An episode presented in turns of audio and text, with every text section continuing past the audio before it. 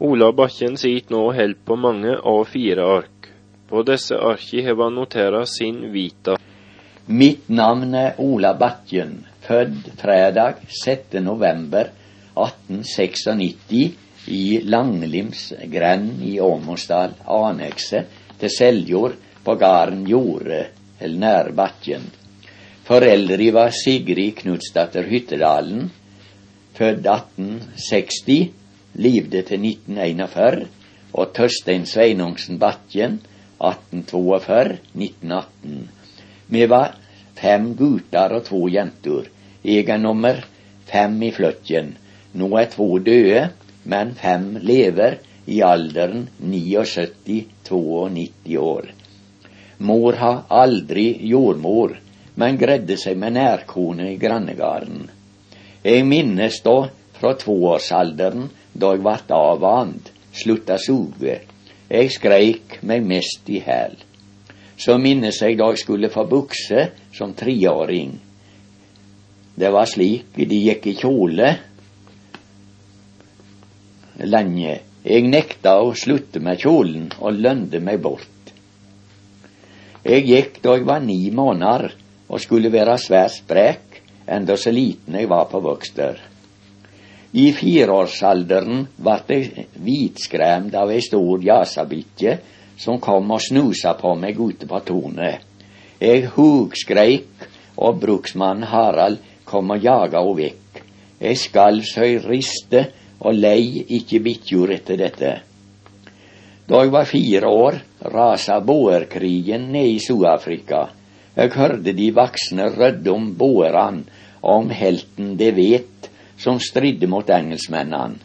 Litt seinere kom krigen i Øst-Asia mellom Russland og Japan, som jeg trodde var spennende, og minnes festning i Port Arthur derifra. Snøvinteren 1901 minnes jeg med snotunnel i fjordsvegen som er nytta i vikovis. Over hele Telemark lå tre meter snø den gangen. I seksårsalderen lærte jeg å lese. Jeg ropa etter bok, bok.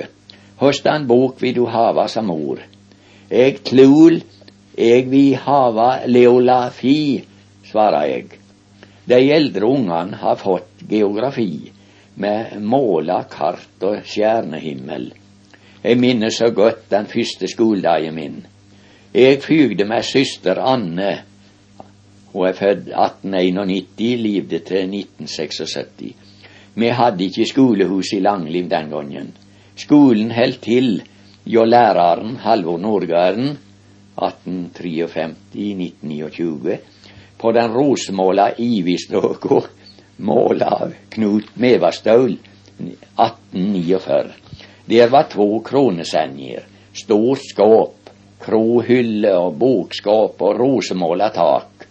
Skolebordet, fire meter langt, var da nett utskift med lange pulter til tre og ei lita veggtavle en halv rutemeter.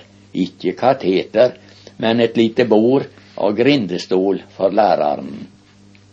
Jeg hadde med ABC-et, ei tonn bok på ti sider. Der sto Fader vår med grovt trykk på første sida, så abbebladet og små stavord på de andre sidene. På siste bladet sto en stor hane på ett bein med flott kam. Den skulle nå gala, vart det sagt når de hadde lest ut boka. Jf. Sondre Norheim, han brende opp boka når hanen ikke gål som lova. De feitute blada krulla seg som never, sier presten Bergland.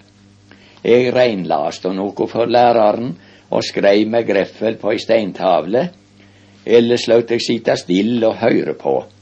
Etter to timer vart jeg lei og smette meg på dynni og ned stetti og tok ut heim att.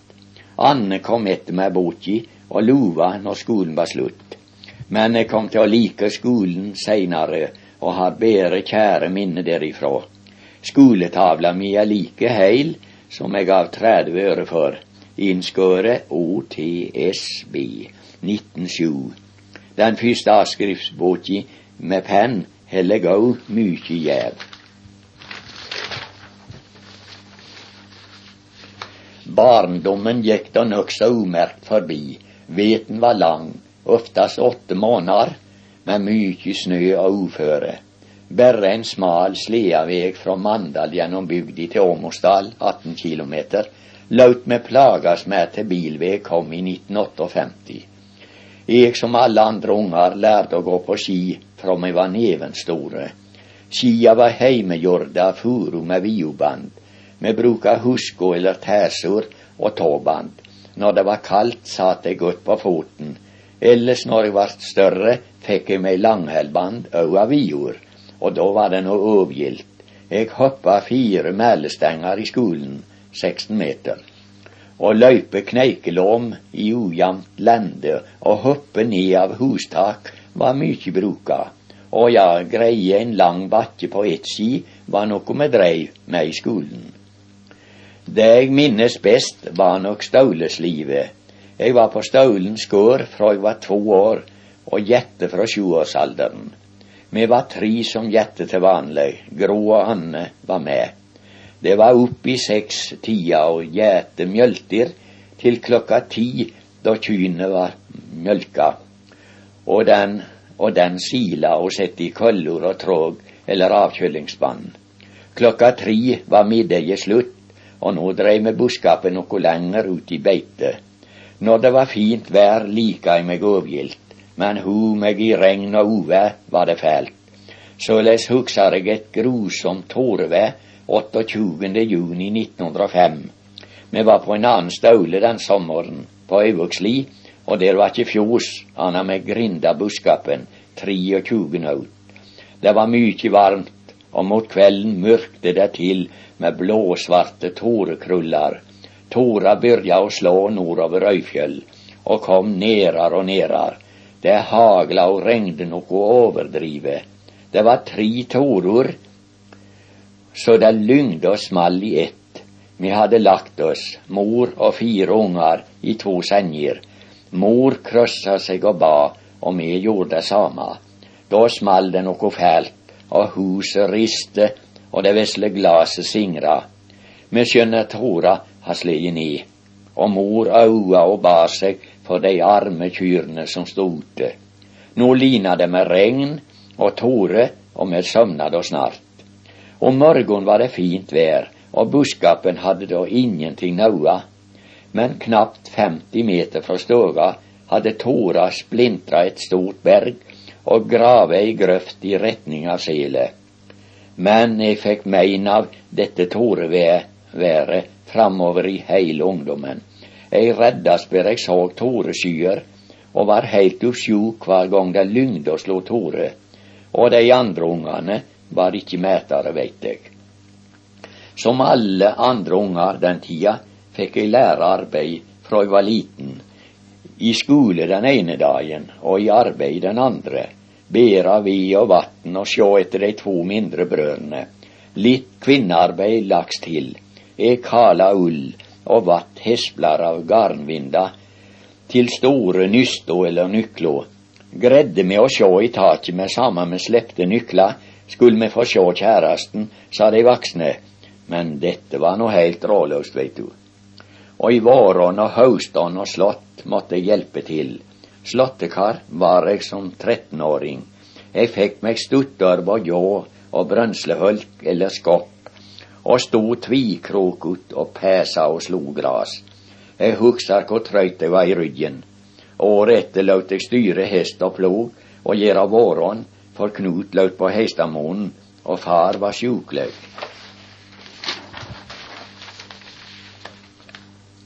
Om veten dreiv eg snarefangst sammen med dei tre brødene mine. Her var då mykje vilt den tid.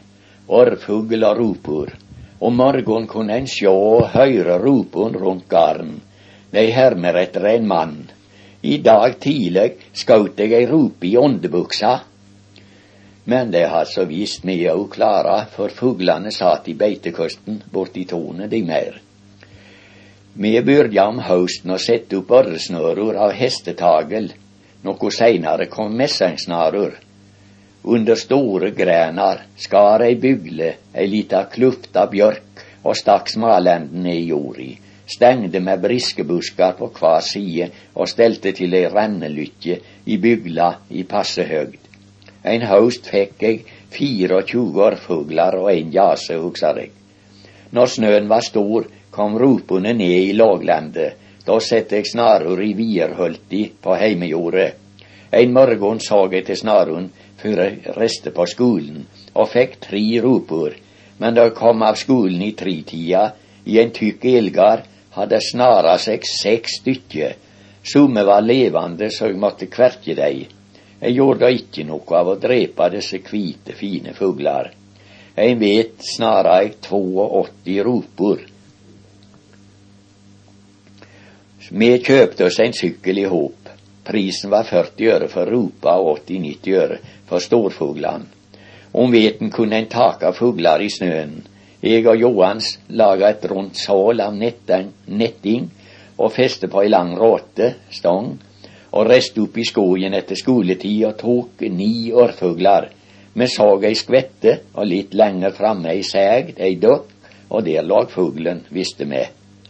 Det hendte ikke sjeldan under skolegånga at jeg skofta skolen etter middag og strøk på fjellet og renska opp av snorra mine etter uvær. Den gamle læreren vår tok det ikke så nøye om vi skulka skolen når vi fant det for godt. Siste året 1911 Siste år 1911 jeg var i skolen, fikk vi nytt skolehus i Langlim. Du veit vi venta på huset og følgde med fra første stund de tok til med bygget. Olav S. Høydal skulle ha 2000 kroner for å hogge timret, fløyte det nesten ei mil, kjøre det på plass og skante hver vegg og timre det opp. Rommet sju meter lang, fem meter bredt og tre meter høgt. De var to timremenner, og arbeidet tok flere måneder. Om mandagen 20. mars 1911, etter en innvigingsfest ved sogneprest Cato Wikelund, begynte skolen. Læreren sa vi skulle synge nummer 605. Det klang så fint. Dei evig Guds se ære i høye himmelkor, som vekter ville være for oss på denne jord. Huset var kvitt og fint med pløkt gulv og bjølker og himling. En etasjeovn sto ved langveggen med en rør som stakk opp i pipa, som var plassert på de to bjølkene. seinere pipe fra gulvet. Der var ti tomannspulter, et kateter med taburett, bokskap med lesebøker og testament, nokre kart og globus og ei lita veggtavle av tre. Steintavler og lærebøker og skrivesaker måtte hver halde seg sjøl. Jeg kom til å være bare 20 dager i det nye skolehuset, for jeg hadde skrivet meg om høsten. Vi gikk et helt år for presten. Da jeg gikk ut av skolen, kunne jeg bibelsoga heilt utanat. Bibelsoga var vøllrakt fukt 103 sider. Jeg har ho ennå på landsmål men forklaringen Gi Sverdrup var på riksmål. Den kunne gå med bo, artikler, bønner og sakrament. Jeg deler bibel, bibelsoga i fire lekser siste året, og fikk bare stikkprøver her og der for læreren min.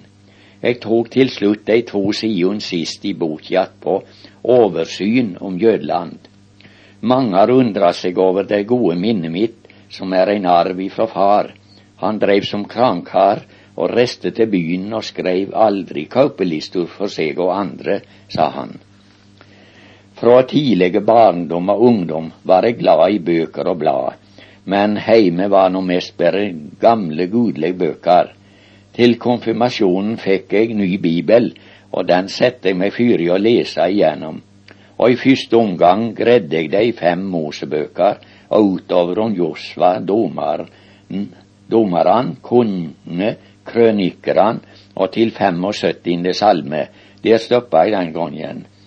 Men så hadde vi Børnetidene og Norsk Barneblad. Det siste løste jeg vel i 30 år. I skolen hadde vi ei lita boksamling, og det var gildt. Der var de norske eventyra. Sinbad Farman, Robinson, Ivan H., Ku Vadis, hytta hans farbror Tom og mange flere. Mitt yrke har det vært bonde og lærer. I 1915-16 var jeg på Telemark folkehøgskole i Kviteseid. Sommeren etterpå var jeg på Notem i Fladdal og stod i boi for Gunnlek Mæland. Der var skysstasjon, så jeg måtte kjøre hest når høvet bød seg. I 1917 var jeg i Mandal og hogde timmer for flere bønder der. Men så i 1919 var jeg i Åmosdal i provianteringa og næringsnemnda og bodde på Kjørkjemoen.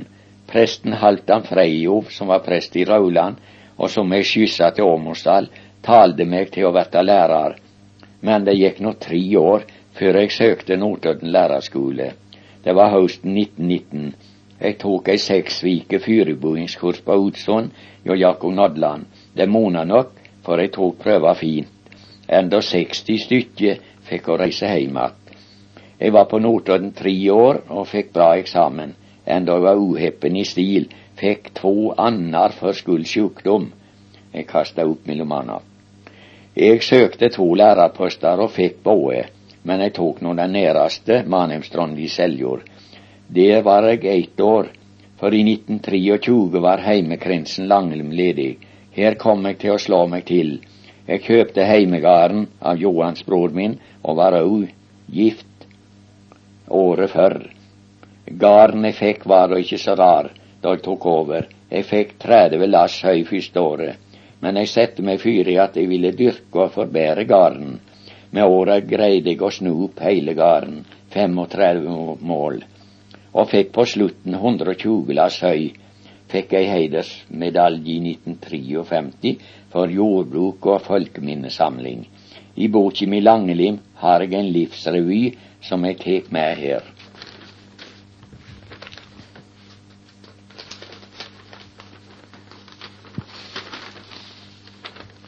Livsrevy med vonene som mange ut i verda reiste.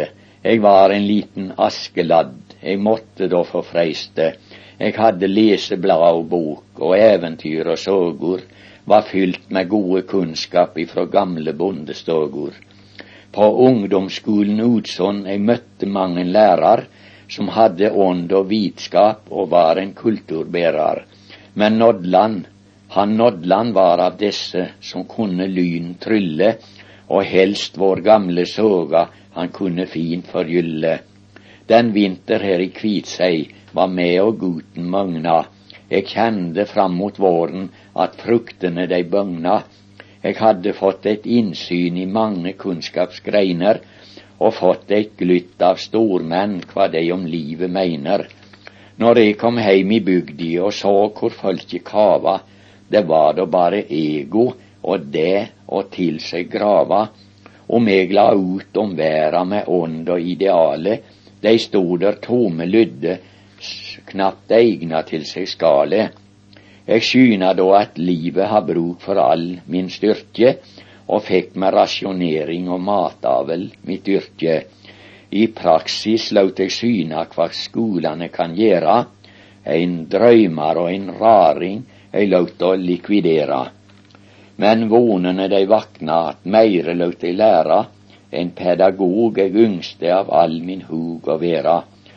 Og fint det alt seg ordna, slapp inn på første ordet, og fikk en haug av bøker framfyre meg på bordet. Nå kom det travle dager, men også mykje hygge. Min rette givna hjelpte at det var lett å bygge. Snart stod jeg der med papir, at jeg var vorten lærar. Nå skulle jeg som Nodland få verta kulturbærar. Jeg fikk meg post med same, vart det dertil trolova. Nå lyste vona lukke som herligaste gåva. I heimekrinsen slo jeg meg ned, fikk gard og kona, og yrka der i truskap, og strevet rikt vart krona. Og lukka som det største var alltid med vår side, og der kom, om der kom ymse motbør og slikt som òg kan svie, og fire staute gutar var snart til hjelp og nytte, som vaksne deira utferd, eg nektar ei med sytte. Nå er eg vorten gamal og bergit au det same, og strevet det har minka med og meire ta med. Vi lever her på minna om Jose ungdomsdagar, og synd det å seia at vi går her og klagar. Eg takkar Gud for færa gjennom jordlivet, for lukka og forsigning som Han har rikelig givet. Så vonar eg at heimferda går forutan kvia. Om Gud han vil, så let han oss slippe det å lia. Min hobby har da vært ettergransking og bygdesågarbeid. Det som kveikte hugen mest her, var Rikard Berge, 1881-1969, og to Flatin som skrev Seljordsoga, som jeg leverer noe stoff til.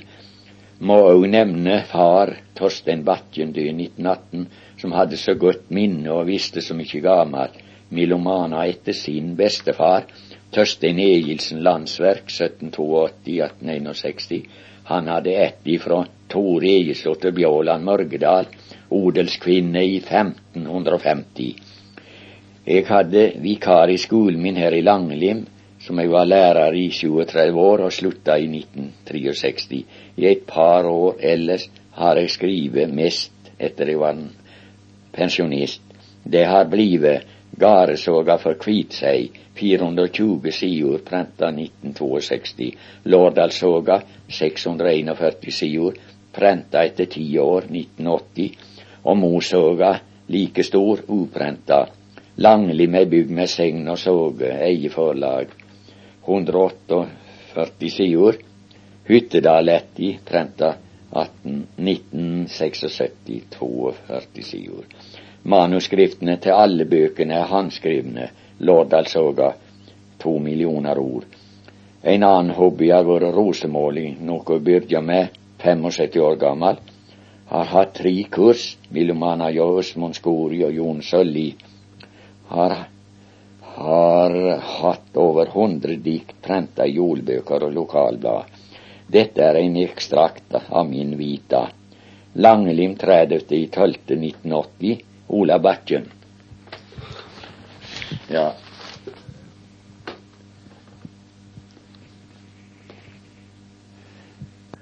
Nå kommer et lite avsnitt om de harde 30-åra, og det er fortsatt Ola Bakken som forteller. Det småbruk her, der har de seks barn, og de var faktisk underernære alle sammen.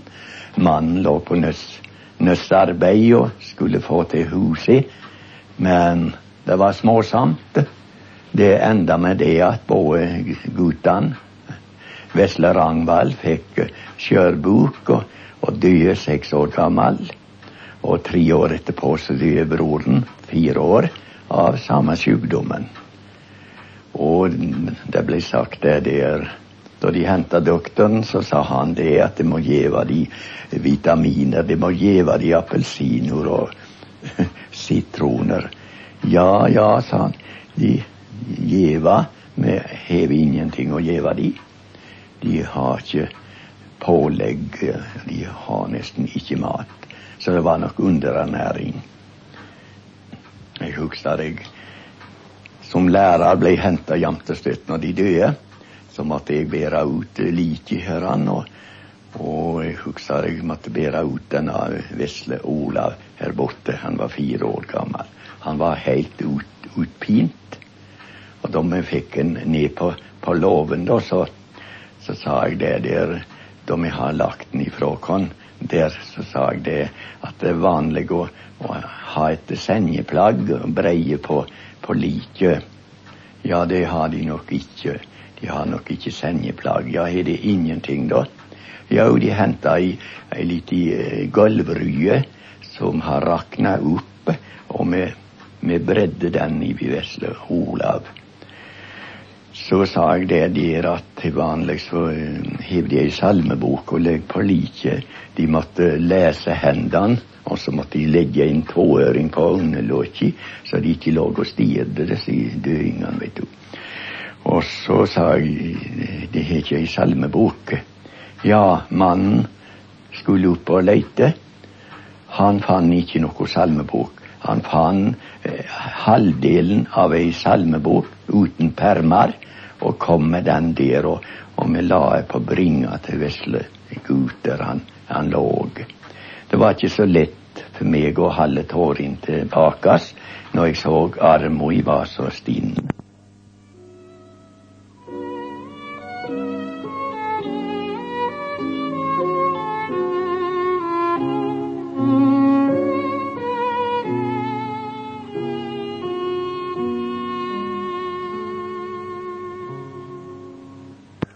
Ola Bakken var med inn til Oslo for å få tak i penger til nødsarbeid. I mars 1930 så kom det bo fra Seljord, og vi kunne være med ordføreren i en deputasjon inn i Stortinget i Oslo og, og få tak i penger til nødsarbeid her i Seljord. Vi fikk med oss ordføreren fra by, noen Lovald. Vi var tre og rusla av gårde. Vi måtte først om vedkontoret i, i Skien og snakke med fylkesmannen og få anbefaling eller tilråding om å søke etter nødsmidler. Vi kom inn til Oslo, fikk tak i stortingsmannen Gjermund Grivi, sorenskriveren fra Telemark, og han skulle målbære våre. Han måtte få tak i sosialsjefen. Han het enda Hvitsten. Og, og bia etter penger. Jeg husker Grivi, han var en real norsk mann. Han ble enda påtalt i Stortinget, for han var så norsk i uttrykket sine. Her sitter Stortinget, sa han, og heile hurven. De visste ikke hva det betydde dette. Jeg trodde det var pakkel, noe slikt. Han fikk en korreks der. der. Men jeg la merke til da han ringte til Hvitsten, så kalte han han ikke Hvitsten. Han ropa i telefonen 'Er det Hvitstein? Er det Hvitstein?' Nei, Hvitstein han er akkurat i Danmark, blir det sagt. Ja, men hva gjelder? Ja, de har en, en mann i, i staden. Ja, det må hjelpe noe som er kommet her fra Telemarken, fra Seljord. Det er vårknipa i Seljord i Åsand. De eier ikke penger. De må hjelpe de stakkarene med smått eller stort. Ja, vi har nok ikke, ikke stort å rusle med her, sa de i sosialkontoret. Men lite grann får vi prøve med. Vi lover dere 15 000. Og med det kunne vi reise hjem til Seljord med en lovnad på 15 000. 31.10.1931 ble lov for bygdefolkets krisehjelp vedtatt. Jeg siterer noen av paragrafene her. Paragraf 1. Bygdefolkets krisehjelp har som formål å vareta jord- og skogbruksbefolkningens økonomiske interesse under den nåværende krise. Paragraf 2 som organisasjonens aktuelle og spesielle oppgave nevnes a. Arbeide for å lette gjeldsoppgjør. b. Arbeide for å rentelettelse og midlertidig avdragsfrihet. c. Arbeide for å hindre at gård, skog og småbrukere ved tvang må forlate sine eiendommer, og for at de som i denne tid har måttet forlate sine eiendommer, kan få dem tilbake. d arbeide for en rettferdig beskatning. Paragraf 17.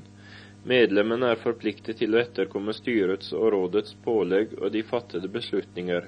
Unnlatelse herved kan medføre eksklusjon og boikott. Det samme gjelder overtredelse av organisasjonens lover. Paragraf 19. Det anses uforenlig med medlemskap at medlemmer opptrer ved tvangsauksjoner over andre medlemmers løsøre eller faste eiendommer, og overtredelse herav straffes som i paragraf 17. Sitat slutt.